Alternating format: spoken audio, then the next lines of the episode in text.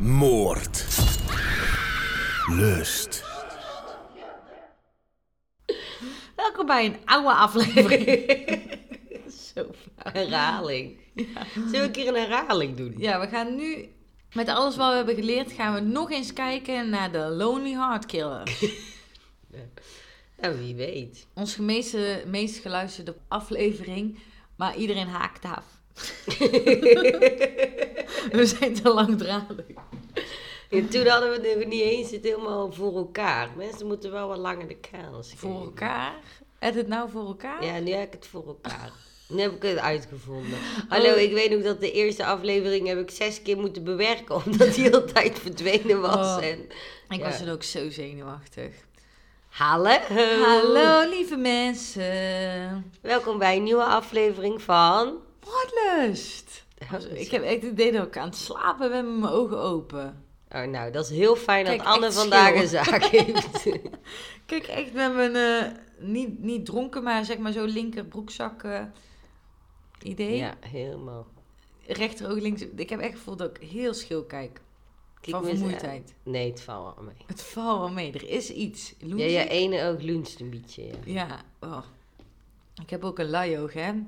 Mensen die mij, eh, die mij een keer hebben gezien op Insta, op onze Insta, seksologen met twee. Als je dan inzoomt op mijn linkeroog, zie je dat die altijd een beetje luiig is. Ik heb ook zo'n sticker gehad op mijn hoofd. Was me, niet, nooit, niet op mijn hoofd, op mijn oog. was me nooit echt opgevallen. Ja, ah. Nou, ik ben... Ik ben Tikkie. Hadden nog mededelingen? Oh, poeh. Ik het niet.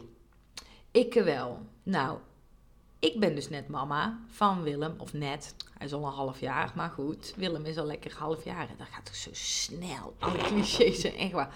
Maar iedereen die mensen kent die kinderen heeft, of zelf kinderen heeft, of kinderen wil, weet dat je echt zo nu en dan even in je eentje op pad moet. Ik ben de weekend ergens alleen blijven slapen en het was fijn. En ze heeft alleen maar gewerkt. Ja, maar dat was wel fijn. Want ik heb even de, voor, vooruit gewerkt zodat ik... Meer rust in je hoofd had. Ja, maar dat gaf me ook gelijk even rust in de avond. Zo lekker gewoon... Ha, dus dat adviseer Strip lezen. Ik heb een stripje gelezen, ja. Een stripje. Ook een aanrader trouwens, Plastic. Gaat over een seriemoordenaar met een sekspop. Nou, echt fantastisch. Kwam heel goed in het thema met eh, jouw vorige zaak. Natuurlijk. Ja, precies. Ja, ja, ja. En dit ging wel echt om een seksdoel. Maar echt, echt een liefdevol verhaal ook. Plastic heet die. Ja, en je kan gewoon één strip volgens mij kopen en er zijn alle delen in, toch? Ja, Want ja, wij hadden al bijna delen. ruzie in de stripwinkel. Ja. Nee. Boekje met alle vijfde delen erin. Dus het leest ook echt... Ja, ik heb het in een uurtje weggelezen. Zonde enigszins, maar echt leuk om te lezen. Nou, Maar dat, goed. dat was het. Oh, dat valt me mee. Ja, toch? Het wordt steeds minder, want we krijgen soms reacties dat we wel langdradig zijn, dat mensen het allemaal kwijt zijn. Dus ik, ik probeer er echt op te letten dat ik wat mand doe. Ja. Oké, Hoe heet de zaak? ik heb dit zelf bedacht, dus als je de googelt vind je het niet, maar ik heb Oh hem- ja, wat is leuk, want als je het straks googelt, we waren... Dit is nou even weer mijn... Sorry, Ja, zie je, dit komt door mij. Ik probeer het hier zo. Maar we zijn natuurlijk bezig met eh, de moordlust.podcast Instagram helemaal up-to-date te maken. Mhm. Want die is exclusief eh, verkrijgbaar. Nee, je kan toegelaten worden tot de Instagram als je petje af bent. Ja. Alleen, eh, wij, hebben dat natuurlijk bedacht bij zaak 50, denk Ja. ik. Dus we zijn nu echt als een gekke alle zaken proberen erop aan het zetten. Ja. Maar soms heb ik dus dat ik namen google en dat ik alleen onze podcast krijg. Dus dat vind ik Oh. eigenlijk ook wel weer leuk. Zijn we de enige in de hele wereld Die hem zo genoemd die hem zo hebben.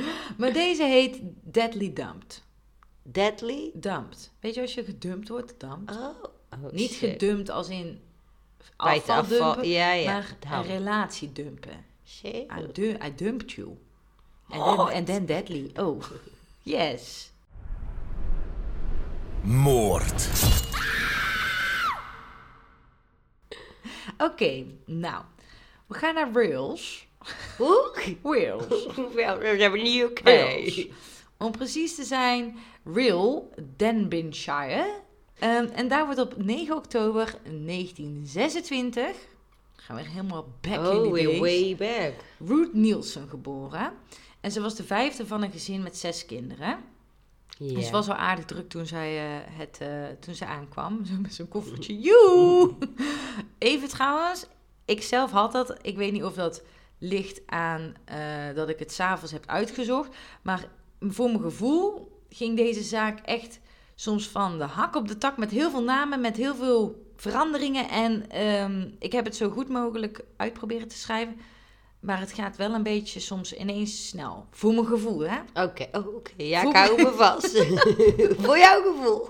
Ik weet niet of het zo is, hè? voor jouw gevoel. Ja, ik, ik, ik trek wel aan de bel als het hard gaat. Ja, nou, we beginnen gewoon bij haar jeugd. En ehm, tijdens haar jeugd verhuisde ze met haar familie naar Basingstoke in Hampshire in Engeland. Ze is van Wales, Wales, Wales naar Engeland verhuisd. Haar moeder, Elisabetta, en die werd ook wel Bertha genoemd. ehm, Ik Goethals. zeggen, je zou toch denken Elisabeth, maar Elisabeth.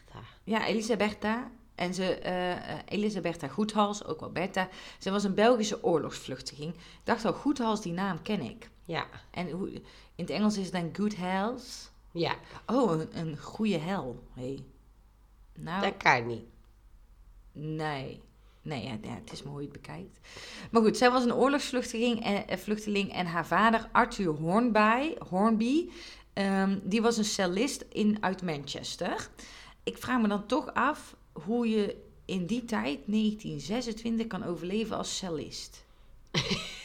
toch? Ja, ik denk juist misschien nog wel beter dan nu. Ja, misschien wel. Als je dan echt zo, weet ik veel, bij een orkest zit. Echt of- helemaal profi. Ja, Ja, ja, dat is waar. er wa- was misschien ook wel meer vraag naar die muziek dan nu. Ja, en in de jaren In zo'n 20, salon. In zo'n salon, inderdaad, als zo'n cellist. Hij zo... Ja, ik zou hem inhuren. Ja, oké, dat is waar. Dus die, ja, die was misschien wel loaded, onze Arthur. Misschien. Dat weet ik niet. Eh, maar Arthur veranderde zijn achternaam van Hornby eh, naar Nielsen. Daarom is het ook Ruth Nielsen. Mhm. eh, na de geboorte van eh Ruth's oudere zus Muriel in 1925. Waarom? Niet helemaal duidelijk. Ik vroeg me al af waarom, maar dat weten we niet. Nee, dat is niet, daar, dat, dat kon ik niet vinden. Uren gezocht. Maar, nou, we gaan naar 1928. Toen was Ruth 2. eh, twee. En toen kwam Arthur's tweelingbroer Charles om het leven toen hij zijn fiets tegen een stoomwagen aanreed. Oh ja, Ja, dat waren dat- toen de Ja, ongelukken. dat waren, dat, dat waren toen inderdaad gewoon de ANWB van... Wederom een ongeluk met de stoomwagen. Dat je dan Ja. uren file daar. Eh naar, ehm, dit, ja, acht uur is vanaf dit moment, beetje naar mijn inziens, crazy geworden. Ik weet ook niet of het echt door dit kwam. Ik denk dat dit er wel mee te maken heeft. Maar vanaf dit moment begon hij zijn eigen dochter, Muriel, de oudere zus van Ruth, zowel fysiek als seksueel te misbruiken. En Oh. eh, Bertha was hiervan bewust, maar ze ondernam geen enkele actie. Mhm. En het seksueel misbruik leidde er uiteindelijk toe dat Muriel op 14-jarige leeftijd een kind van haar eigen vader kreeg. Oei. Ja. Wat er toen toe leidde dat Arthur werd op, eh, opgeroepen door de politie en hij werd ondervraagd. Maar uiteindelijk werd hij toch vrijgelaten door de politie. Het kindje, dat was een jongetje, eh, die werd opgevoed alsof het een, een broer, eh, broer was van de andere kinderen. Een broer- Ja. Of een broertje was van de andere kinderen. En toen ging Arthur zijn aandacht richten op Ruth, nadat Muriel haar puberteit had bereikt. Dat zegt ook wel iets zegt natuurlijk. wel iets, ja. Ehm, maar Ruth verzette zich voortdurend, voortdurend heel erg tegen het misbruik. En ik weet, ik denk wel dat ze wat mee heeft gemaakt, maar misschien minder dan Muriel, Ja. denk ik. Ehm, daarna ging eh, Ruth kort naar de Fairfield Senior Girls High School, of school trouwens, staat helemaal geen high. Gewoon een school in Basingstoke. Eh, maar daar vertrok ze toen ze 14 jaar was en toen ging ze al werken. Ze vond, dat kon toen natuurlijk gewoon ook Ja. in die tijd. Eh, ze vond werk als een bediende in een bioscoop in Reading in Berkshire. Ik heb trouwens ga proberen om alle namen gewoon in één keer te zeggen. En als ik het verkeerd denk te doen, doe ik gewoon scheid. Ik hou het gewoon bij, bij één keer de uitspraak. Dat is goed. Want ik zit zo vaak alles opnieuw te doen en zo. Dat ik gewoon, poef, gewoon Ja. daadkrachtig ben. Kort daarna, in 1940, eh, verhuisde Arthur, dus de vader van eh, Ruth en Muriel en alle andere kinderen, eh, verhuisde hij naar Londen nadat, hem een inwonende positie van conciërge-chauffeur was aangeboden voor Porn and Dunwoody. Waar staat die LTD voor? Mm, Dat is dan zo warehouse-achtig iets, maar ja, ik weet dus wil niet waar die... als, je, het- als je het opzoekt, dan weet je het waarschijnlijk. Maar ik zou het zo uit de, uit de bolle niet Nee. weten. Nou, eh, ik vond het trouwens heel... Het is echt porn, hè? Ik heb het Ja. even echt goed nagecheckt, maar het is echt Porn en Dunwoody. En dit was een liftenfabrikant. Had ik niet aanzien komen. Nee, zeker met die porn niet. Nee. Ehm, ik denk ook dat dit twee een achternamen zijn. Moet je je voorstellen dat je... dat je Anne porn- Porn. Anne- Porn. Een porn. Maar hij werd daar dus conciërge en chauffeur binnen dat bedrijf en moest daarvoor naar Londen. Het jaar daarop, terwijl haar oude broer Julian met eh, ja, verlof was van zijn dienst van de Royal Navy, raakte Ruth bevriend met een van zijn, eh, met zijn vriendin, Edna Tu- Turvey. Die haar, kennis, die haar kennis liet maken met wat Muriel later het snelle leven noemde. Eh, volgens mij was Ruth ongeveer toen 15 à 16 jaar oud. Ruth en Edna verhuisden uiteindelijk samen ook naar Londen en logeerden bij Ruth's vader toen, die natuurlijk ook in Londen Mhm. woonde. Hij bleef toen Ruth verder misbruiken, eh, terwijl hij ook nog een affaire had met Edna. Oh. Maar die meisjes waren dus 15 à 16 en gingen op zichzelf wonen in Londen, stoppen Ja. met school. Heel vreemd. Dat- ja, maar ik denk dat dat enigszins niet eens zo vreemd was. vreemd toen. was voor die Nee, tijd. Dat je op jezelf, in ieder geval niet dat je vroeg stopte met school en maar ik ging zou werken. dan ook heel ver weg van mijn vader gaan wonen. Maar, Ja, ja. maar Ja, dat is lastig. dachten ze van dit is de enige optie om in Londen te kunnen wonen. Toen was het waarschijnlijk Ja. ook al duur. Ja. En dit, deze affaire tussen Arthur en Edna die eindigde toen Bertha een onaangekondigd bezoek bracht en eh, het paar ook betrapte. En Bertha ging toen zelf eigenlijk heel kort daarna ook verhuizen naar Londen en kwam bij hen inwonen. Ehm, in 1944 raakte 17-jarige Ruth zwanger van een getrouwde Canadese soldaat genaamd Claire, Claire Andrea McCallum. Ehm, en ze werd vervolgens gedwongen om te verhuizen naar een ziekenhuis in Gilslet, Cumberland, waar ze op 15 september het leven schonk aan een zoon genaamd Claire Andrea Nielsen, ook wel bekend als Andy. Die naam Andy is dan van Andrea. Dat denk ik ook, ja. Nou, had dan gewoon Claire aan Andy Maar Nielsen. Claire, daar zou ik ook aan een vrouwennaam denken. Maar dat was dus een mannennaam. Ja, toen. ja, of ik spreek het verkeerd uit, maar het is Claire zonder E. Dus C-L-A-R-E. Ja, ik zou het ook niet anders Claire, ja. Ehm, nou, deze Canadese sol- soldaat, de vader van Andy, die stuurde ongeveer nog een jaar geld, maar die stopte daarna ook eh, met het geld eh, sturen. Zo van het eerste jaar, dat hebben we gehad. Ja. Je zoekt het maar uit. Ja, ja, inderdaad. Eh, nou, Ruth en, en hij hadden dus ook geen verdere relatie. Ook al denk ik bij de, bij de geboorte van Andy al niet meer. Volgens mij werd ze gewoon zwanger van hem en ging hij daarna verder Ja. met zijn getrouwde leven. en En, heeft hij zich een jaar schuldig gevoeld. En toen dacht hij, nou, Het is weet je, goed. Ja. Ja. En die ging uiteindelijk bij Bette wonen, terwijl Ruth Andy steunde door in verschillende fabrieken en administratief werk te doen. Oh ja. Ehm, een aantal jaar later, tegen het einde van de jaren 40, was Ruth een nachtclubgastvrouw geworden in Hampstead. Omdat ze naaktmodellenwerk ook had gedaan. En ze merkte dat dat, ja, op zich wel logisch, denk ik, eh, meer geld verdiende dan eh, wat ze toen daarvoor deed. Eh, dat is denk ik ook wel een beetje waar ze naar refereerde met dat snelle geld, waar Ja. haar zus Muriel naar refereerde. Morris Conley was een manager of haar manager bij de Court Club in de Duke Street. En hij chanteerde haar onder andere en ook andere medewerkers. En dwong ook hen om met hem naar bed te gaan. Dus ja, wat je al merkt is dat er denk ik, of denk ik, dat, dat horen we, dat in Roots leven best wel veel misbruik, seksueel misbruik is Ja. geweest. Eh, veel onder dwang en eh, ook gewoon op hele jonge leeftijd al te volwassen moeten zijn. ja, en natuurlijk een super negatieve associatie met seks krijgen Ja, hierdoor. Ja. Begin 1950 verdiende Ruth geld als full, eh, full service escort en raakte ze wederom zwanger van een van haar vaste klanten. Ze liet deze zwangerschap illegaal ehm, in de derde maand beëindigen en toen ging ze daarna zo snel mogelijk wanneer ze kon ook weer aan het werk. Op 8 november 1950 trouwde Trouwde, trouwde Ruth ehm, voor de burgerlijke stand in Tonbridge in Kent met de 41-jarige George Johnson Ellis. Ehm, een gescheiden tandarts met twee zonen. George eh, was een vaste, eh, vaste klant van de koortclub geweest. Misschien nog steeds. En ja, niet nu meer trouwens, dat is al z- 70 jaar geleden. Maar, en hij was heel erg gewelddadig en ook een heel erg ja, bezitterige man. Daarnaast was hij ook alcoholist, eh, die er op een gegeven moment van overtuigd raakte dat zijn nieuwe vrouw, Ruth, een affaire had. Oh ja. Ja, dan maak je jezelf helemaal ja. gek natuurlijk, hè?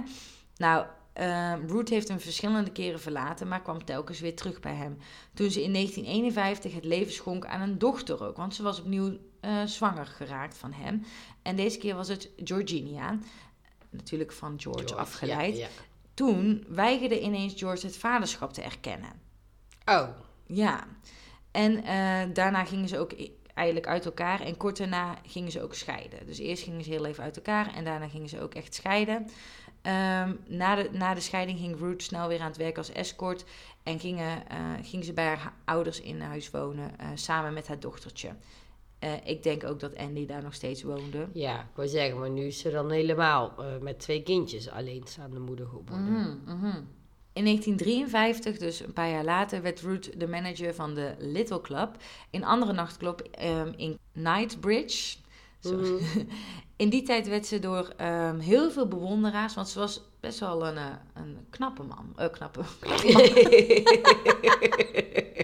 Plot kan ook, kan Ja. ook. Nee, ik heb hier niks mee ver... Nee, ze was een knappe vrouw en ze had ook heel veel bewonderaars. En al die bewonderaars die overladen haar met dure geschenken en eh, bloemen en weet ik het allemaal. Ehm, en ze was er ook nog de manager. Volgens mij was ze ook best wel, had ze aanzien binnen die Ja. club. En zal Eh, ze misschien ook ander werk verricht hebben dan eh, Ja. wanneer je nog geen manager bent. Ja, denk ik, ja, denk ik ook wel. En eh, ze had denk ik ook wel een, een soort van status, want ze had ook in deze tijd een aantal beroemde vrienden. Wie weet ik niet. Justin Bieber was, eh, die, Die was er niet geboren dat toen. weet ik. die was niet eens ergens nog, nee, ik denk dat die ouders van Justin Bieber misschien net niet eens geboren waren. Nee, nee. dus eh, er waren een verre Ik stadium. weet wel dat zijn moeder hem jong had gekregen, maar verder weet ik Ja, maar, ja, met 53 hoor, dat is, dat is een hartstikke lang geleden. Ehm, en je bent natuurlijk ook niet gelijk eh, vruchtbaar. Nee. Nee, dus je moet dan ook nog even wachten. Ehm, toen ze ging werken in eh, die, de Little Club, verhuisde Ruth ook in het appartement boven de club. Dus, Ik vind de Little Club wel heel leuk klinken. Maar Ja. ik zie het echt als een kinderdagverblijf. Ja, maar het dat was dus- het absoluut het niet. is een, eh, iets totaal Maar, anders. eh, De Little Club, dat is toch leuk Ja. voor een kinderdagverblijf of zo? ja, Of zo- zo'n hobbygroepske. ja. Ik denk dat ze het de Little Club noemden om het een beetje zo discreet en, eh, hoe zeg je dat, knus, nou niet knus, maar Ja. klein te houden. Dat je denkt van, nou bij ons krijg je volle aandacht in de Little Club. ja. Of je mocht niet langer dan 1,70 zijn. Nee. Oh, dan mocht ik zou wel mogen werken daar. Ja, ik, oh ja, ik mag ook nog wel binnen. Ik zeg ja, op mijn paspoort heb ik 1,71 laten zetten, maar ik ben 1,70. Zo, jij liegen. Ja, Jij niet liegen, jij leugenaar. leugenaar, ja. Het achtervolgt me nog steeds. Ik ben liggen van wakker. Nou, Ruth ontmoette toen David Blakely, die eh, drie jaar jonger was dan dat zij was, ehm, via een coureur, Mike Harton. Ik dacht, misschien kende jij hem. Ja, ik zou het niet zo Niet gelijk 1, 2, 3, weten. Nee. Ehm, en David was zelf ook een coureur, eh, racer, en maar ook alcoholist, helaas. Ehm, Never drink and drive. Dat staat zelfs bij Ja. de Formule 1 op dat is de nieuwe borden. campagne. Ja, dat is van Heineken 0.0. Ja, die, hebben ze, die hadden ze hier niet, die campagne toen. Nee. Ik denk, ja, aan, misschien ga je ook, niet dat je alcoholist daarvoor moet zijn, maar misschien... Rijden. Ja, maar iets, iets langer door in bochten en zo, dat je iets beter rijdt. Misschien, nou, beter niet. trouwens, ik denk trouwens, laat maar, je, gaat, je vliegt gewoon de bocht uit. Dat- ja, dat is het snel over. Ja. Nadat ze elkaar hadden ontmoet, bin, eh, gingen eigenlijk binnen enkele weken ze al samenwonen in het appartement van Ruth boven het eh, boven Little Club. Ja. Was haar appartement misschien ook heel little? Gewoon zo één kamer, twee bij twee, zo. 1 meter 20 hoog of zo. Iedereen Zo. Alice in Wonderland huisje, zo. eh, of ja, in ieder geval, zij is heel groot trouwens, Alice in Wonderland in die... eh. Maar dit was eigenlijk best wel raar, want David was, terwijl hij dit deed, gewoon verloofd met een andere vrouw, namelijk Mary Dawson. Kijk, Dan zie je al de red flags. Ja, ja, het gaat alle kanten op eh, hierin. Maar ja, goed. Ook- Lijkt me ook raar. Ik dat je verloven met iemand en die gaat dan bij een andere vrouw wonen. Mhm. Ja, misschien wist Mary dat niet. Denkt, denkt, denkt ze dat David eh, maanden voor het racen weg moest of zo. Oh ja, dat kan ook. En ja. wist Ruth wel van Mary, maar niet andersom. Dus dan wist Ruth ook van... Oké, eens in de zoveel weken ben jij even bij Mary en de rest ben je bij mij. En Dat dat vind ik oké. Dat kan ook, ja. Ja. Misschien hebben zij het er wel goed over gehad, maar heeft David er niet goed met Mary over gehad. Ja, Denk ik.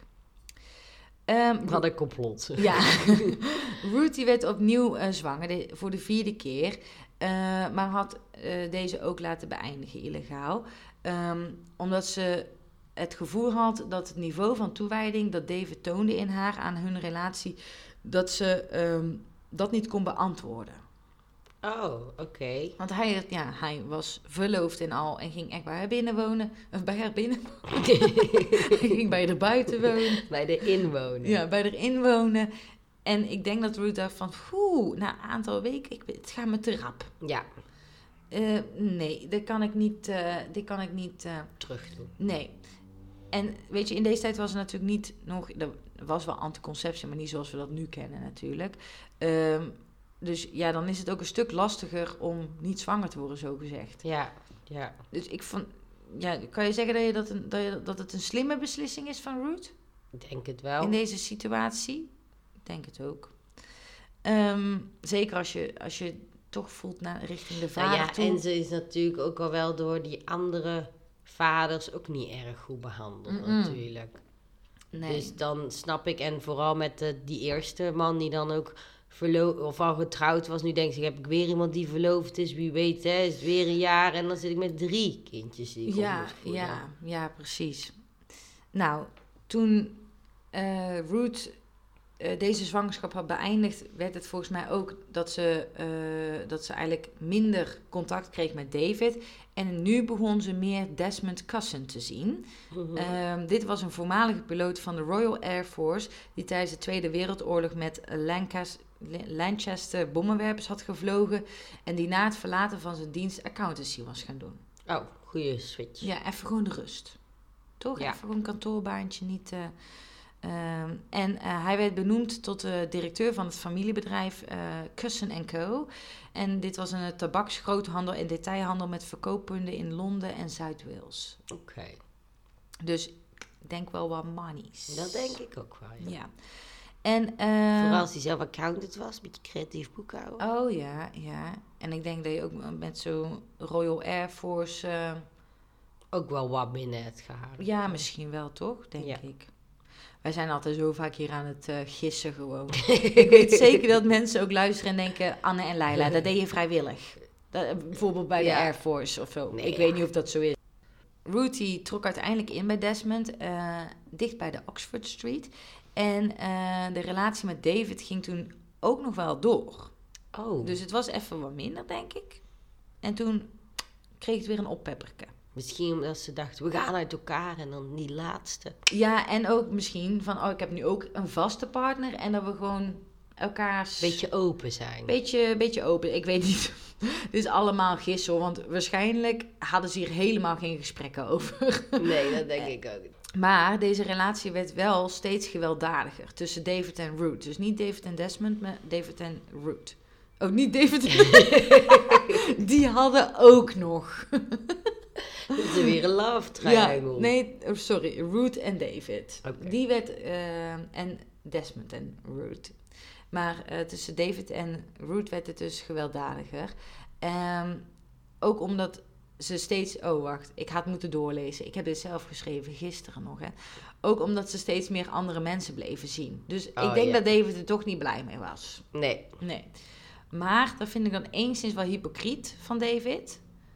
Ja. Want hij ziet zelf Ruth, zijn vrouw of verloofde vrouw. En wie weet wie nog meer. En dan toch dan boos worden op Ruth omdat zij dat het eigenlijk hetzelfde doet. Ja, nee, dat kan niet eigenlijk. Ik kreeg wel van dit verhaal ook een beetje het idee dat Ruth is wel echt zo'n zo'n power wifey. Ja, ook omdat ze de manager daar bij Ja, ze is al een paar keer manager geweest. En volgens mij, ondanks wat ze, alles, wat ze allemaal heeft meegemaakt, weet ze zich wel op te werken. zeg Ja, en twee kinderen ook nog op dat moment. Ja. Alleen eigenlijk. Ja, dus dat is echt een, eh, een moeilijk leven. Waar nou, waarschijnlijk vond ze het ook moeilijk. Maar ik heb wel het idee dat ze echt wel die managerfunctie inderdaad, wat Ja. je zegt, op een eigen plek en die dingen allemaal. Dat ze het goed doet. Ehm, uiteindelijk, en dit is dan weer zo raar, vind ik, bood David aan aan Ruth van laten we trouwen. En toen stemde ze toe. Huh? Ja, Oké. Hoe dan? Ja, nee, dat is een, ik weet ook niet. Hij zou wel heel charmant zijn. Ja, nou, nou, nou ja, maar ze was nog met Desmond. Ze woonde bij Desmond. Ja, ik, ik snap het ook niet. Dit is echt GTST. Ehm, ze werd opnieuw zwanger van eh, David. Maar helaas kreeg ze in januari 1955 opnieuw een- Of niet opnieuw, want dit is echt een miskraam. De andere waren natuurlijk abortussen. Of zwangerschapafbrekingen. Ehm, omdat ze tijdens een ruzie had eh, David haar in de maag en buik geslagen en getrapt. Oh, wat naar. Ja. Dan wil je er niet mee trouwen. Nee. Zelfs, maar je, je woont ook samen in... Bij Desmond. Ja, Want daar woonden ze nog steeds, hè? ik snap het niet. Ik ook niet. Op paaszondag 10 april datzelfde jaar, in 1955, nam Ruth een taxi vanuit het huis van Desmond naar een flat op de tweede eh, verdieping op 29 Tanzia Road, Hampstead. Het huis van Anthony en Caroline Findlater. Findlater. Find me later. Findlater, ja. Dat zijn leuke achternamen Ja, in deze. Ja. Ehm, waar ze vermoeden dat David zou zijn. Ze was dus op zoek naar onze David. Toen ze aankwam, eh, toen ze aankwam reed net Davids auto weg. Oeh. Ja. Toen nam ze wederom de taxi. ehm, en ik denk dat ze me een beetje had achtervolgd. Ze zette de auto, liet ze ergens neerzetten en liep nog een kleine 400 meter naar de Magdala. Magdala. Eh, en dit was een, eh, een pub ehm, in South Hill Park, waar ze David zijn auto geparkeerd vond. Oeh. Zij zat lekker gewoon bij de pub. Maar ze was op een missie, denk ik. Ja, dat moet wel. Ja, ze ging hem echt volgen. Rond half tien s'avonds uh, kwamen David en zijn vriend Clive Gunnell. Clive, dat is van eh Modern Family, toch? Oh ja. een rollenspel. Ja, ja. Hi, my name is Clive. Ja, Clive, ja. Eh, maar David en Clive kwamen naar buiten. Maar David passeerde Ruth, eh, die op de stoep stond te wachten. En toen kwam zij uit de deuropening. Het was zeg maar Ik zie de handen al gaan, want nu, nu ga je het uitleggen. Ja, je hebt dan zo- zo'n straat. En dan heb je zo'n zo'n inkepingje bij de deur. Waar de etalages nog, weet je wel, zoiets. Dus ze stond wel op de stoep, maar ze kwam uit de deuropening van Henshaw. Een, een krantenwinkel. Naast de Magdala. Oh ja, ja, ja. Snapte? Ja, snap Ze stond een beetje in zijn hoekje. Beetje verstopt. Ja, een beetje verstopt. En ehm, David, die, eh, die zocht zijn eh, autosleutels. Eh, nam Ruth haar eh, 38 kaliber Smith Wesson Victory Model revolver uit haar handtas. Oh, die had ze bij. Ja, die had ze bij. Ja, dit kwam... Toen ik, ik dacht, ik ga het even als... Pol, of Ja, ik, ineens ik, moet, ik verrassing. heb even kortsluiting, ja. Maar ze pakte haar revolver en vuurde vijf schoten af op David. Oké, wat had hij nou gedaan dan? Ja, dat, dat weet ik ook niet. Dus daar komen we later op. daar komen we later op. Ehm, het eerste schot miste ze. En eh Ruth achtervolgde toen David, terwijl hij om zijn auto heen begon te rennen. Ja, natuurlijk. Ja, die blijft niet staan. Ja. Wacht, ik ga even, Wacht, ik ik blijf even staan. staan. Ja dat, ja, dat zou een beetje dom zijn. Ja, of heel slim. Dat je zo zegt, schiet nu maar. En dan weet je dat het schiet en dan moet je opzij springen. Oh, durf jij dat? Nee. Ehm, een tweede schot eh, loste waardoor hij ehm, van de stoep viel, of op de grond viel van de stoep. Zo net dat riggeltje van de drempel, denk ik. En toen ging ze over hem heen staan met zo beide benen zo aan een kant.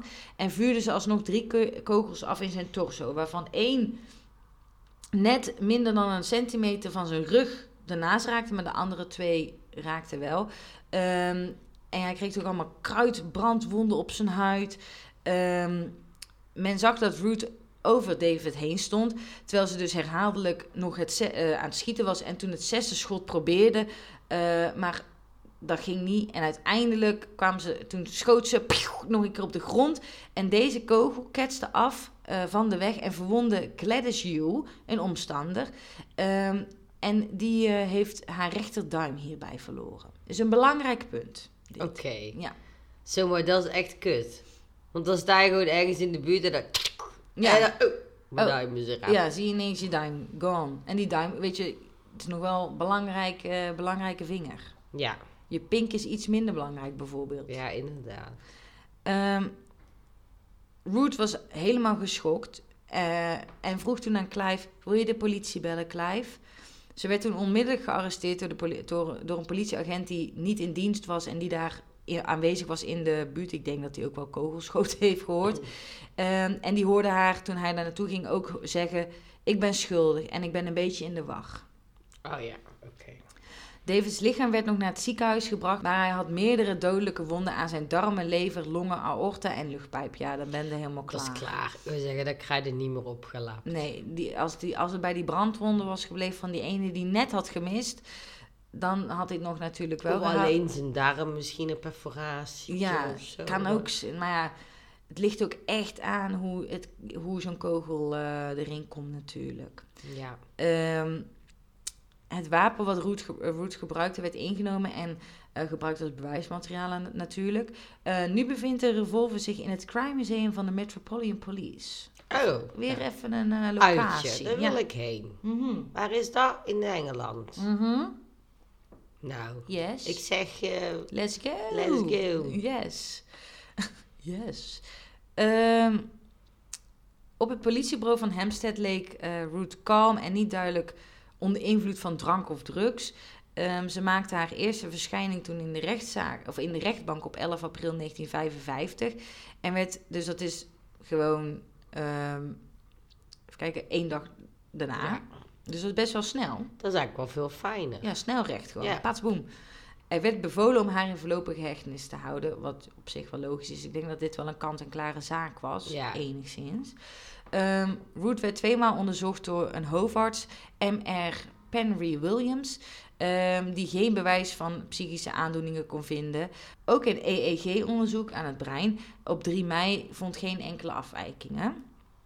Want soms kan het bewijzen van zijn dat je een tumor hebt die je helemaal... eh, Ja, bij de amygdala, hè. ja, die helemaal crazy zijn. maakt. Dat is net met die ene man die toen die, die, paal, die paal door zijn hoofd heen had, toch? Ja. Werd ineens super agressief.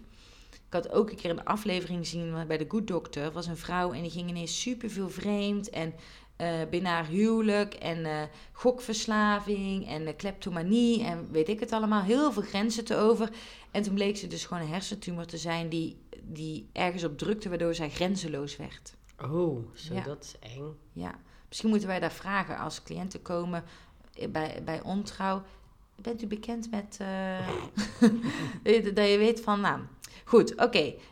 Tijdens haar voorarrest werd Ruth onderzocht door eh, psychiater Duncan Whittaker voor, nog, eh, voor de verdediging. En door Alexander Delzel. Ik weet niet waarom ik hier zoveel namen. Er, was, waren zoveel. Iedereen stond hier gewoon met naam en toename. Ja, misschien dat de oudere zaak is dat ze dachten schijn. Nee, ja. Namens, eh, dit moest namens het ministerie van Binnenlandse Zaken gebeuren. En ook beide vonden geen bewijs van waanzin. Dus Ruth was, ehm, die wist wel wat Gewoon ze deed. Op 20 juni 1955 verscheen, verscheen Ruth in de, ehm, in de rechtbank in Old Bailey in Londen eh, voor de heer Justice Havers. Toen dacht ik, Je heet Justice. je ja. heet Justice. Als in, ik denk dat dat een Nederlandse Just is. Weet je, ik, ik ken een Just. Ken jij een Just? Nee, Justin alleen. Oh, of Justin inderdaad, maar Ja. hij heet Justice. Echt Justice Havers. Jij gaat net nog over Oh my Justin god, Bieber. trouwens. Nee, nee, ik ben nou heel dom. Oh, heb je het verkeerd vertaald? Nee, dit is gewoon de titel, Justice. oh, dan ga je erin laten natuurlijk. Ja, ik, mijn, mijn foutjes staan er ook altijd in. Die domme fouten. Ja, oké. Oh my god. Dat ik dacht dat een fryingpan een frituurpan was, Oh ja, ja. Oh, stom. Nou, goed dat ik heb aangekondigd dat ik gewoon moe was toen ik begon met Ja. deze zaak. Ehm Root was eh, gekleed in een eh, zwart pak met een witte zijden blouse die vers gebleekt was. Wist je dat dat een ding was in die tijd? Kon je je blouse lekker vers bleken. Even wil lekker lekker. wit maken. Dat heb ik ook wel nodig bij bepaalde kleding. Ja, dan wordt dat zo gelig. Ja.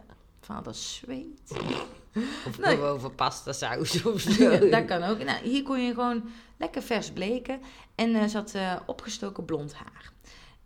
Haar advocaat, Aubrey, Aubrey Melford Stevenson... ehm, die ook nog werd ondersteund door twee mensen... maar ik ga niet iedereen bij naam noemen, heb ik nu besloten. Eh, trouwens, hij had wel een leuke naam. Seabag heette die. Seabag Oh. en Peter.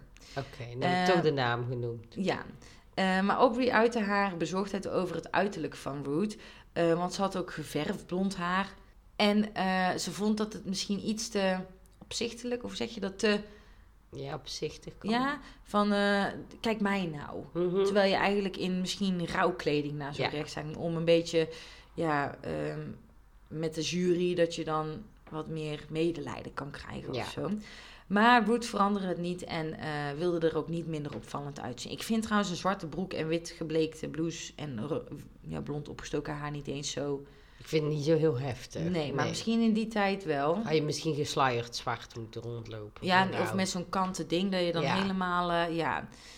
De enige vraag van de officier van justitie... Christmas Humphreys. Ik weet nou niet of ik die... Volgens mij heb je er zelf ook allemaal tatjes aan gegeven. dat ik denk, nou, dit vind ik saai. Hij heet gewoon, hij heet gewoon Chris. Nou, ik noem het Christmas. Nee, hij heet volgens mij echt... hij- nou, ja. Ja, hij heet echt zo. ja, ik geloof. Meerdere bronnen die dit zeggen. ja, geen mij. Christmas Ik zeg niets. die, eh, die, die hij stelde aan Root was... Wat was je van plan toen je de revolver van dichtbij in het lichaam van David Blake- Blakely schoot? Haar antwoord was, het is duidelijk dat, ik toen, dat toen ik hem neerschoot, ik van plan was hem te doden. Nou, dit antwoord gegarandeerde een schuldverklaring en eh, de verplichte doodstraf voor Root. Oh, oh shit, daar had ik helemaal niet over nagedacht. Ik wist dat, hij, dat je hiervan zou schrikken. Ja, ik val bijna van mijn stoel. Ja, ik, ik heb er ook expres niks van van tevoren gezegd dat het mogelijk was. Ik denk, pats, gooi het er ineens in. Nee, dat vind ik wel heel heftig. Ja. Ja, en eh, de jury had ook maar 20 minuten nodig om haar te veroordelen en ook de doodstraf daarbij te geven. Ja, het was natuurlijk ook niet dat ze moesten gaan bakkeleien of ze het gedaan had. Nee, nee. Maar er komt zo meteen nog wel een, een kleine touch waarvan ik zou zeggen als ik in de jury van... hé, hey, moeten we hier niet even aan denken?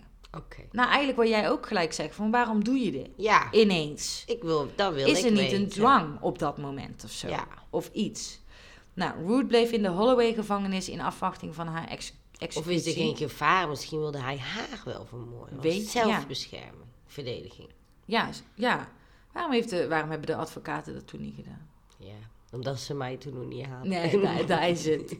En ehm eh, Ruth die vertelde in toen ze in afwachting was van de executie... ook aan haar moeder dat ze geen petitie wilde om een uitstel van de doodstraf te krijgen. En ze nam ook niet deel aan de camp- campagne voor haar uitstel. Eh, volgens mij had ze gewoon ja, voor zichzelf besloten van... Dat, nou, This is it This now. is it. En ik heb ook... Ja, ik snap haar enigszins ook wel. Want ik denk dat de kans dat je de doodstraf ontspringt in deze klein is misschien. Ja, En dat je dan maar denkt, nou dan maar eh, snel er vanaf zijn. Alleen later, zij is de laatste vrouw die ooit is opgehangen. Dus, echt. of op, ja, dus misschien als ze langer had uitgesteld achteraf. Had ze misschien nog gedacht. Ja. Oh, Nou, uiteindelijk op aandringen van haar familieleden schreef haar advocaat, en er was weer een nieuwe, John Bickford, echter een brief van zeven pagina's aan de minister van Binnenlandse Zaken, Gwendolyn Lloyd George, waarin de redenen voor uitstel werden uiteengezet. Gwendolyn wees alsnog het verzoek af en Ruth ontsloeg ook haar advocaat en vroeg toen iemand anders, Leon Simons. Ik dacht, ik hou het er even in. Simmons is het eigenlijk trouwens. Maar goed Cool. ehm, te spreken voor haar. En voordat ze haar gingen bezoeken, bezochten Leon en zijn compagnon Mishkon, ja, een hele vreemde naam, Mishkon, de eerdere advocaat, John Mhm. Bickford, die was ontslagen. En hij gaf aan, John Bickford, van je moet, je moet echt haar vragen waar ze het pistool heeft eh, gekregen. Hij drong er echt op aan dat ze dit moesten vragen aan eh, Ruth. Nou, op 12 juli 1955, de dag van haar executie, zagen Leon en Mishkon Ruth nog een keer. Die het testament toen wilde opmaken met hen. Mhm. Toen ze Ruth gingen aandringen van vertel even het volledige verhaal. En vertel ook waar, ja, vertel ons alles, ook van het pistool en zo. En ze vroegen hen echt te beloven dat ze, dat ze dit niet zouden gebruiken om een, ex- een uitstel van exe- executie te krijgen, letterlijk en figuurlijk. Eh, maar Mishkon weigerde dit. Nee, Ja. dat, kunnen we niet, dat kunnen we niet beloven. nou, oké. Ik denk niet. toch echt dat, dat zij zeg maar, de baas over hun was. Ja, Toch? Ik bedoel, zij huurt hun toch in ja. om haar te helpen en naar haar wensen te voldoen. Ja, nee, sorry. ja, en waarschijnlijk denken eh, Leon en Mishkon ook wel, want dit was natuurlijk echt een hele grote zaak in Engeland. Ja. Alle ogen waren op hen gericht. Van nou, als wij nu meer informatie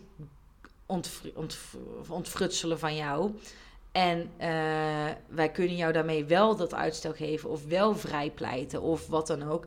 Dan gaan we dat voor onszelf natuurlijk wel doen. Dus Ja. eens is ook wel eerlijk dat Miskon gewoon zegt, yo, doe Dat is ook wel waar. Nou, Ruth onthulde alsnog toen eh, dat Desmond haar een pistool had gegeven en haar had geleerd om dit pistool te gebruiken in het weekend voorafgaand aan de moord. Ze onthulde ook dat Desmond haar eh, naar de plaats delict had gereden, dus helemaal niet Geen met de taxi. taxi. En eh, naar een interview van twee, of naar een interview, naar het gesprek van twee uur, gingen Miskon en Simons, of Leon, eh, naar het ministerie van Buitenlandse Zaken, eh, Sir Frank Newsom, om alsnog dit met haar, met, met hun te delen. Achter de rug om van Ruth, hè? Toch gewoon. Aan de andere kant, ze hebben verteld dat ze het niet. eh, Ja, maar dat gelijk doen. ja, ja, het is de dag van executie, dus het moest snel gehandeld worden natuurlijk. daarna, is niet, oh ja, oh sorry. Ze gingen daar naartoe en eh, ze bevelen het hoofd, of eigenlijk die Sir Frank Newsman, beval het hoofd van de Criminal Investigation Department, de CID, om het verhaal nog eens te gaan controleren. Nou, Mhm. daar, was, daar was haast bij, hè? Ja. Lloyd George, iemand anders van Binnenlandse Zaken, Wat een mensen werkten er eh, in die tijd overal. Ja, die zei later en, eh, dat de politie best een onderzoek kon gaan doen en dat ze konden vinden wat ze wilden, maar dat het geen verschil maakte voor zijn beslissing. En, dat het, eh, en in feite maakte het Roots schuldgevoel alleen maar groter, want wat aantoont dat de moord met voorbedachte raden was geweest. Snap? Oh, ja. Ja. ja. Wat net alsof dat je als je gewoon een pistool erbij hebt en iemand volgt, dat dat niet echt voorbedacht is. Ja, en dat. Nee, inderdaad. Dat is net zo goed voorbedacht. Maar ja, dus. ehm, da- Ja. de- dat vind ik ook weer niet zo dan goed van die Lloyd. Dat je zegt, nou, je kan, doen, je kan lekker onderzoeken wat je wil, maar ik blijf toch bij mijn, bij mijn standpunt. Ja. Vind ja, ik daar niet kan je niet mee discussiëren. Nee.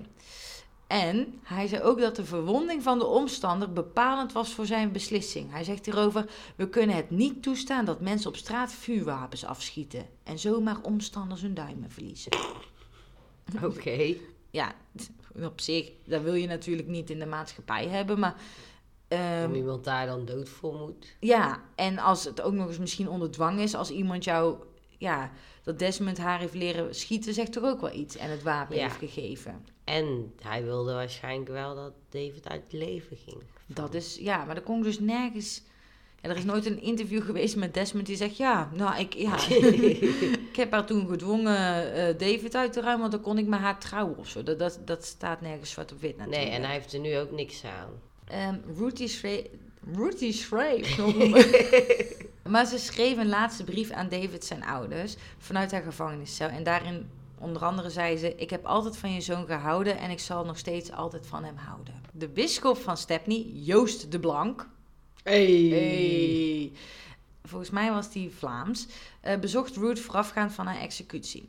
Op 13 juli, even voor 9 uur 's ochtends, kwam, eh, kwam ook de bul Albert Pierrepoint eh, en zijn assistent haar cel binnen en brachten haar naar de aangrenzende executiekamer waar ze werd opgehangen. Oké. Oh, dat je zo'n beul bent. Ja. Dan echt- is ook echt een kutwoord. Ja, Dan- voor een kutbaan. Ja, maar, het Maar dan kom je thuis van werk, zegt Albert tegen zijn vriendin Albertina. Schat, zo. Ja, eh, ja, ja, kutdag, jongen. Ehm, Drie mensen moeten Ja. ophangen. En die ene, dat lukte maar niet. En eh, ja, echt lastig. En Die oh, was oh. heel zwaar. Ja, nee. wat, wat, ja, lijkt me echt heftig. Nee, lijkt me ook helemaal niks. Nee. Ehm, zoals gebruikelijk was bij Britse executies, werd eh Ruth begraven in een ongemarkeerd graf binnen de muren van Holloway Prison. Oh, Dus ook binnen- nog. Ja, Zo kan niemand er verzoeken. nee. Maar in het begin van de jaren 70 werden de stoffelijke resten van geëxecuteerde vrouwen opgegraven om elders te worden herbegraven. In het geval van Ruth, georganiseerd door haar naaste familie en haar zoon Andy, werden haar stoffelijke resten herbegraven op het kerkhof van St. Mary's Church in Amersham, Buckinghamshire, ongeveer 4,8 kilometer van waar David werd begraven. Haar grafsteen werd ingeschreven Ruth Hornby 1926 tot 1955. Nou, en nu komen er echt...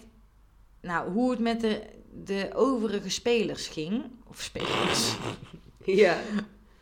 De overige schaakstukken van het Ja, spel. nou, Oké, dit gaat echt van de ene dood naar de ander. Beloof Oh, ik jou vast. Gezel. Nou, Ruth's eh, voormalige echtgenoot George Ellis, eh, helemaal in het begin, Mhm. die pleegde zelfmoord door op 2 augustus eh, 1958 in een hotel eh, in Jersey zichzelf op te hangen daar. In 1969 werd Ruth haar moeder, Bertha Nielsen, bewusteloos aangetroffen in een met gas gevulde kamer in haar flat in Hampstead.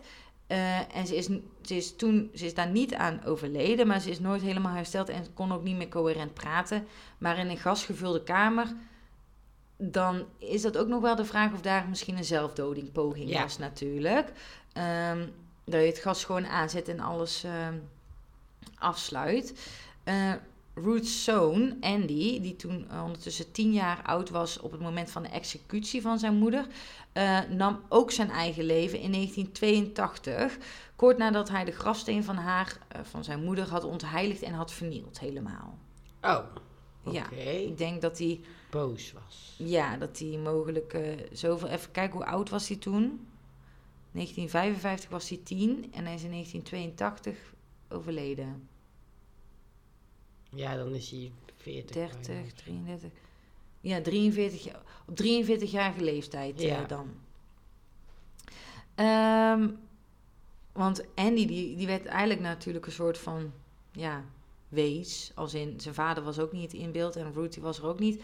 En de rechter ehm, die het proces had gedaan van Ruth, die had elk jaar geld gestuurd eh, voor het levensonderhoud van Andy. En Christmas, die ene, Mhm. ehm, die betaalde uiteindelijk voor de begrafenis van Andy. Oh, oké. Dat vond ik dan Dat is enigszins nog wel wel... netjes. Maar Ja. ja, dus wel veel, veel dood in Ja. die eh, familie. We zijn nog niet klaar. Haar dochter Georginia, eh, die drie jaar oud was toen haar moeder werd geëxecuteerd, werd opgevoed door haar vader, die drie jaar later ook zijn Mhm. eigen leven nam. Ehm, zelf stierf ze in kank- aan kanker in 2001 op 50-jarige leeftijd. Oh, ook nog zo jong. Ja, nou, Ruth was dus, wat ik al vertelde, de laatste vrouw in Engeland die de doodstraf heeft gekregen. Ehm, en de laatste persoon ehm, die werd opgehangen in Engeland was in 1964. Oh, dat is best wel niet zo lang geleden. Nee, voor mijn gevoelen zeggen ze, ja, niet gisteren of zo, maar ja, je hebt bij, bij de doodstraf het gevoel dat dat veel verder terug is of zo. Ja. Ehm, maar dankzij Root is eigenlijk de doodstraf onder andere eh, gestopt. En in, ehm, ik weet nou niet helemaal de jaartallen, maar in de 2010 ergens rondom die tijd is er uiteindelijk nog ook een, ehm, een excuus gekomen vanuit de Engelse Supreme Court Mhm. eh, voor de zaak van Root dat ze niet de doodstraf had moeten krijgen. Voor haar nabestaanden en ehm, ja, voor gewoon eigenlijk iedereen die daar last van heeft gehad. En er gewoon voor de doodstraf überhaupt. Dus dankzij haar is er uiteindelijk wel veel later dus dan de doodstraf niet meer... Maar eh, vooral omdat zij dus eigenlijk niet echt daarna nog onderzoek heeft gehad. Of dat ze eigenlijk gewoon zeiden, oké, dit is de doodstraf en we houden het hierbij. Ja, ik denk dat ze het gewoon te kort... Eh, te- ja, te kort voor de Ja. bocht... eh, vo- te kort voor de bocht... Te Door kort de door de bocht vonden. En dat ze ook wel beseften van... Ja, is de doodstraf wel de oplossing Ja. hierin? En moeten wij dat sowieso in ons systeem hebben? Maar ja, wat denk jij dus nu? Denk je dat het onder invloed is van Desmond? Of denk je dat het op eigen initiatief is? Dat ze Desmond heeft gevraagd van... Yo, Ik denk dat het onder invloed van Desmond is. Of dat David iets fucking doms heeft gedaan. ja, want hij was, David was natuurlijk ook zelf gewelddadig. En Ja. Of het was wel een soort bescherming voor zichzelf. Eigenlijk denk ik dat alle drie de opties kunnen. ja, Maar dat het niet, het, het zou niet zonder reden zijn Nee, geweest. nee. En mag ik dit eigenlijk een triangle killing noemen? Omdat er een soort van... Weet ik niet zo goed. Misschien wel ergens. Ja, want we hadden de vraag gekregen van om meer triangle murderers te doen. Dus ik dacht, nou, misschien valt deze Ja. wel een beetje in het rijtje. Ja. Nou, gaan maar we waarom naar heb jij hem de dump genoemd? Oh ja, nou, ik dacht... ik dacht... ehm ik besef me nu dat het helemaal verkeerd Want ik dacht, misschien heeft, eh, weet ik, Ik veel, dacht- dumpt Desmond haar als ze niet stopt met David. Of misschien Nou, heeft zo- David nou, haar laten we gedumpt. daarop houden. Of, Ik dacht- heeft, of hij haar gedumpt. Ik dacht dat eh, David haar had gedumpt. Oh ja. Dat dacht ik. Oké, is totale eigen invulling. Maar ik besef me nou eigenlijk... Maar weet je wat ook? Ik was echt helemaal er niet bij toen ik dit aan het schrijven. En ik heb ik, ik, niet dat ik eh, een wijntje op had of zo, hè. Maar gewoon, ik was denk ik erg moe. Want ik was binnen in deze zaak toen dacht ik ook nog dat, dat David niet dood was. En er stond gewoon, he died. En ik heb heel de tijd lopen. Ik denk, hé, waar is hij dan heen? Ik denk, kut, ik heb heel deze zaak al uitgeschreven en nu blijkt hij niet dood te zijn. Ik dacht helemaal, hoe moet ik dit aan jou uit gaan leggen? Aan de luisteraars. Dat ik een keer een zaak heb waar het slachtoffer is over, eh, die, die het heeft overleefd. Dat hebben we nog nooit gehad. Nee, maar toen, ja, toen keek ik eens goed en toen was hij wel dood. Uh, nou ja, ik hou het gewoon bij Deadly Dump. Laten we zeggen dat, dat uh, Desmond had gedwongen van ik ga jou dumpen als je David niet, uh, ja. niet deadly dumpt. Ja. Dan houden we het daar gewoon op. Helemaal goed. Allemaal eigen invulling. Ja. Oké. Okay. Lust. Lust. Ja, daar had ik niet echt over nagedacht. Omdat ik dus heel deze zaak zelf niet snapte. nou, jij gaat mij iets vertellen. Ja. Want ik zat nou zo met dat dumpen in mijn hoofd. Ja, goed dat je het toch wel oppakt. Bedankt. En uh, toen dacht ik, we hebben best wel vaak ook... We hebben het eigenlijk altijd over de positieve dingen. Van Mhm. hoe doe je dat? Wat kan je wel niet doen? Ja, zonder te veel dat je eh, liefdesverdriet krijgt of de andere... Of hoe gaat het met liefdesverdriet om? Ja. We hebben al zoveel besproken natuurlijk. Hè? Want we kunnen, ja, we kunnen ook wel dingen blijven bedenken en zaken. Maar heel veel thema's komen toch terug. Mhm. Maar ehm, ik las op eh, een ouder artikel van Phoenix. Daar doen we ook wel eens iets mee op de radio. Ja. Dat, die hadden hier zeven, reden, zeven vreedste manieren om iemand te dumpen. Oké. En toen dacht ik, we gaan eens even kijken wat, we, wat, wat er staat Ja. en hoe dat Ik weet niet wa- welke manieren, dus ik ben heel benieuwd. De eerste is not so happy birthday. De dag Oh. waarop je iemand echt niet kunt dumpen is toch wel zijn of haar of hen verjaardag. Het slechtste verjaardagscadeau die je iemand kunt geven. Ja, vind ik enigszins ook wel. Vind ik ook. Want ik vind, kijk, er is altijd een reden om het niet te doen. Mm. Hè? Want dan is het bijna kerst en dan is het carnaval en weet Ja. ik veel wat. Maar happy birthday, ja, op, de, op je verjaardag, dat is die ene dag in het jaar, zou ik niet. Ook niet de dag ervoor, dan eerder de dag daarna. Ja, eerder de dag daarna. Oké. Ja, daar zijn we over eens. klassieker.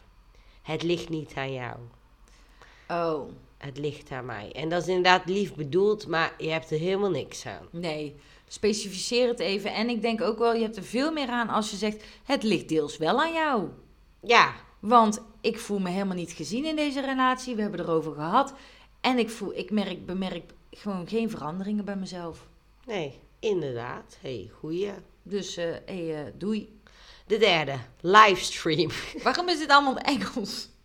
Er komen zo Nederlandse terminologie. En het ligt niet aan jou, schat, het is niet echt Engels. Nee, nee, nee, maar... Nee. Een ander goed... oh, kikker in mijn keel. Oké, een ander voorbeeld hoe dat je het niet moet doen is via een livestream. Dit is misschien wel de vreedste manier om iemand te dumpen. Ook gewoon op Instagram. Live. Dat je, oh. Dat, dat is wel eens gebeurd. Ja, daarom staat Ja. het waarschijnlijk hier tussen. Oh. Ja, dat is echt... Maar dan moet die, denk ik, die ander ook iets heel gruwelijks hebben gedaan. Dan is het echt een wraakactie. Ja, dan is het meer wraak. En dan moet je bij jezelf ook bedenken... pff, zou je die een... Moet je, wraak is nooit een goed idee. Nee. De vierde is een paar dagen voor de bruiloft. Oh. Nou moet ik wel Nou. zeggen, eerder voor de, beter voor de bruiloft dan daarna. Ja, Want precies. soms heb je ook wel eens mensen die dan twee dagen getrouwd van die slaps of zo. Ja, denk je, weet je wat een dat paar geld, uur. wel dat geld dat kost, misschien kan een paar dagen van tevoren nog wat terugkrijgen. Mm. Dat denk ik niet, maar ja, ik, eh, nee, ik denk dat je er ook beter aan doet als je het gewoon van tevoren, ehm, Aangeeft. ja, ja. Oké, de vijfde is een pauze. Kan, Ah. ja, als je een pauze inzet met ik wil het uitmaken, maar ik durf nog niet, dus Ja. ik doe maar een pauze, dan niet. Nee. En ik heb ook wel, kijk, ik ben sowieso niet zo'n hele voorstander van pauze. Ehm, maar ze zeggen, of nou ja, ik heb, een, ik heb daar een keer wat onderzoekjes van gelezen. Mhm. Ook andere relatietherapeuten en seksologen. En die geven ook aan van, vaak werkt een pauze niet en leidt het bij eh, volgens mij twee derde van de gevallen toch nog dat de relatie verbroken wordt.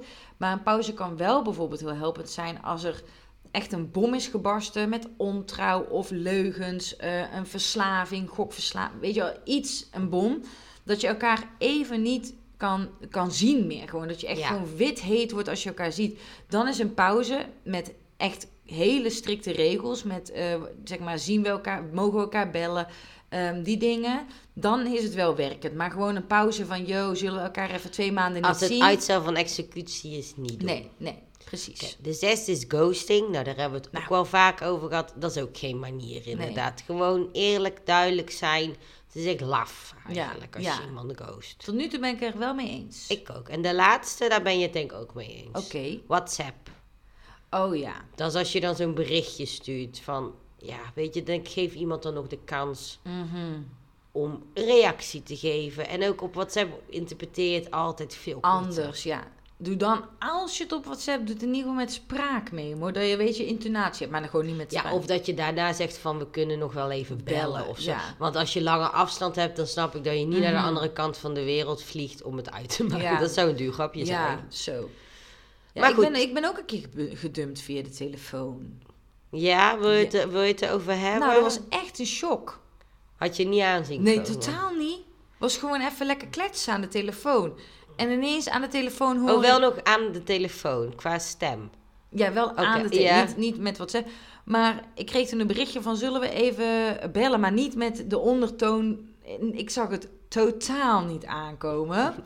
En ik was ook... Het was ook echt gewoon een eh, hele snelle... Echt zo van... Ja, Anne... ehm, ja, ehm, ik, eh, ik maak het uit. en we hadden nog niet lang, maar we waren wel al samen weg geweest en weet ik het allemaal. Diegene luistert waarschijnlijk nu niet. Als je luistert, heeft me echt pijn gedaan. Ja, maar ook vooral als je gewoon denkt, oh gezellig bellen. Ja, echt een klap in mijn gezicht. Ik ben toen naar beneden gegaan, huilend bij mijn vader. Ik ben net gedumpt, zei ik. was echt, oh, Heftig. Ja. Nou, ja, ik ben het er ook wel een keer mee eens, eigenlijk. met zo'n artikel. Ja, Vaak zijn we er niet- te klagen over die artikelen, Ja. maar vind ik goed gedaan, ik ben het ermee eens. Ja, ja. Nou, helemaal top. Nou, Deadly Dumped, goede titel. eh Minder uitvoering. uitvoering. Nee, goed gedaan. En we hebben toch terug laten komen in het lustgedeelte. Ja. Mocht je nou eh, ons niet willen dumpen, maar ons Oh, willen volgen. Wat een, wat een goede ezelbrug. Of ezelbrug. Gewoon brug. Gewoon brug. Dan doe je dat op seksologen met twee punten. Nel.